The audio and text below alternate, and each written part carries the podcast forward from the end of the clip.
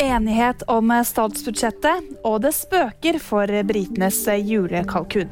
Det er jo da nå kjent at vi er kommet frem til enighet, eh, regjeringspartiene med SV, som sikrer flertall for eh, Arbeiderpartiet og Senterpartiet-regjeringens første hellagete statsbudsjett, og det er jeg veldig glad for.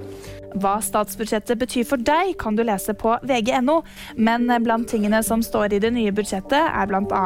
mer støtte til studentene, ikke brukt mer oljepenger og letestopp etter olje ut stortingsperioden. De nye bestemmelsene skaper reaksjoner. LO kaller utsettelsen av oljeletingen for uheldig. På studiefronten mener studentene at den økte støtten er en seier, men er skuffet over at forslaget om skolepenger for internasjonale studenter ikke reverseres. Vi beveger oss videre, for i Storbritannia spøker det for julekalkunen. Der pågår nemlig det største fugleinfluensautbruddet noensinne.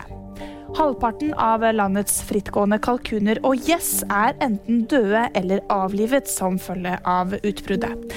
Den pågående fugleepidemien går også utover landets eggproduksjon, og flere matbutikker har innført grenser for hvor mange egg hver husholdning kan kjøpe, skriver Reuters.